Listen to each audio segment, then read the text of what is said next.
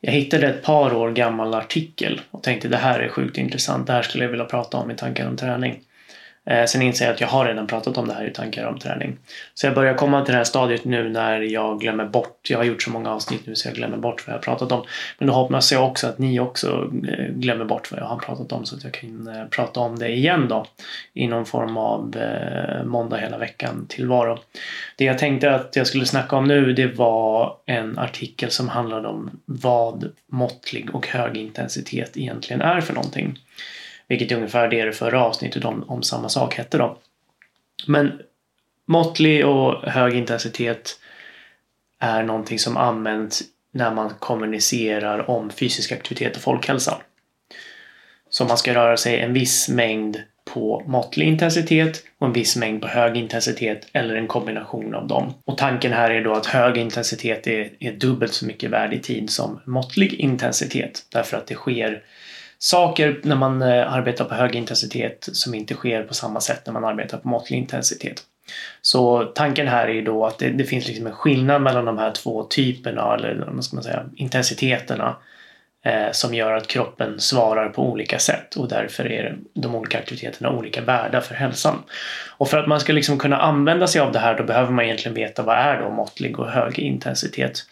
Och då har då WHO eh, tagit fram riktlinjer där man har utgått från något som kallas för METS som är Metabolic Equivalent of Tasks. Eh, och det är då i princip en MET är den energin man gör av med i vila och sen är då alla METs över det multiplar av vila. Så att man har då en MET som är en vila och sen har man sin maximala syreupptagningsförmåga eller energiförbrukning som är ens maximala METs. Och däremellan har man ett spann av olika aktiviteter som kräver olika mängder energi eller syre och därmed är liksom olika intensiv och kan klassas utifrån det här METS då. I det här systemet så kan man säga att mellan 3 till 6 METS så har man måttlig aktivitet och över 6 METS så är det hög eh, intensitet. Man anger även intensiteten i, eh, på en subjektiv skala, på en eh, 0 till 10 skala. Och det kan vi återkomma till senare varför det kanske blir mer relevant i det här fallet. Tanken här är då att om du då är över 6 METS så ska du då arbeta på en intensitet som ger dig dubbelt så mycket fysiologiska effekter per insatt tid som om du arbetar under 6 METS. Och det här ska då stämma för alla människor. Problemet här är att det såklart inte är på det sättet. Alltså 6 METS för mig innebär någonting helt annat jämfört med 6 METS för en extremt vältränad person och framförallt 6 METS för en väldigt otränad person. För mig att arbeta på 6 METS, vilket alltså blir 6 gånger 3,5 milliliter per kilo kroppsvikt och minut. 3,5 är då det man anser att man har i vila då.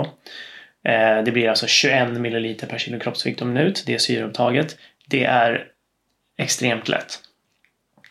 Det är liksom inte gränsfall till hög intensitet utan det är någonting som jag kan hålla på med väldigt, väldigt länge. Och det vore ju då konstigt om jag då fick samma fysiologiska stress om jag arbetar på den intensiteten jämfört med någon vars syreupptag kanske är 30. När jag har liksom det dubbla. Och det är det som den här artikeln som jag läste om eh, handlar om.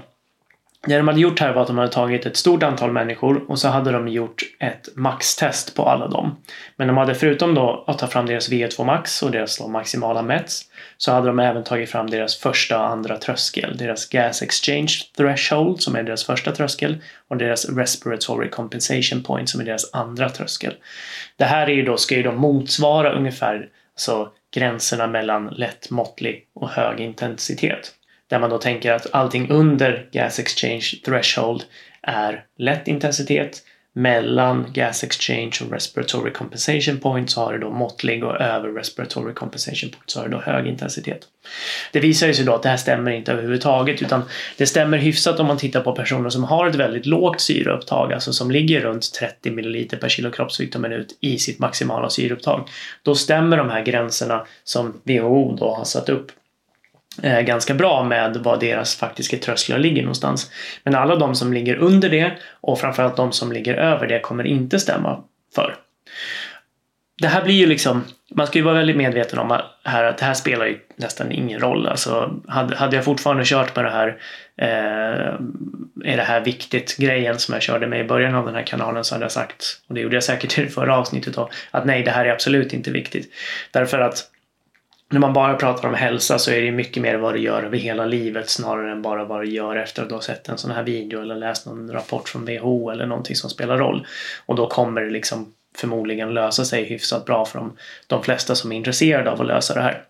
Men om man då tänker sig situationer där man kanske, där folk ska då röra sig och liksom i vardagen och få in det på sätt som är rimliga och sådär så kan det ju vara saker som man gör tillsammans med andra. Det kan ju vara att man går ut och går på lunchen eller att man eh, liksom spelar paddel eller någonting med någon annan eller liksom gör någon form av gruppaktivitet.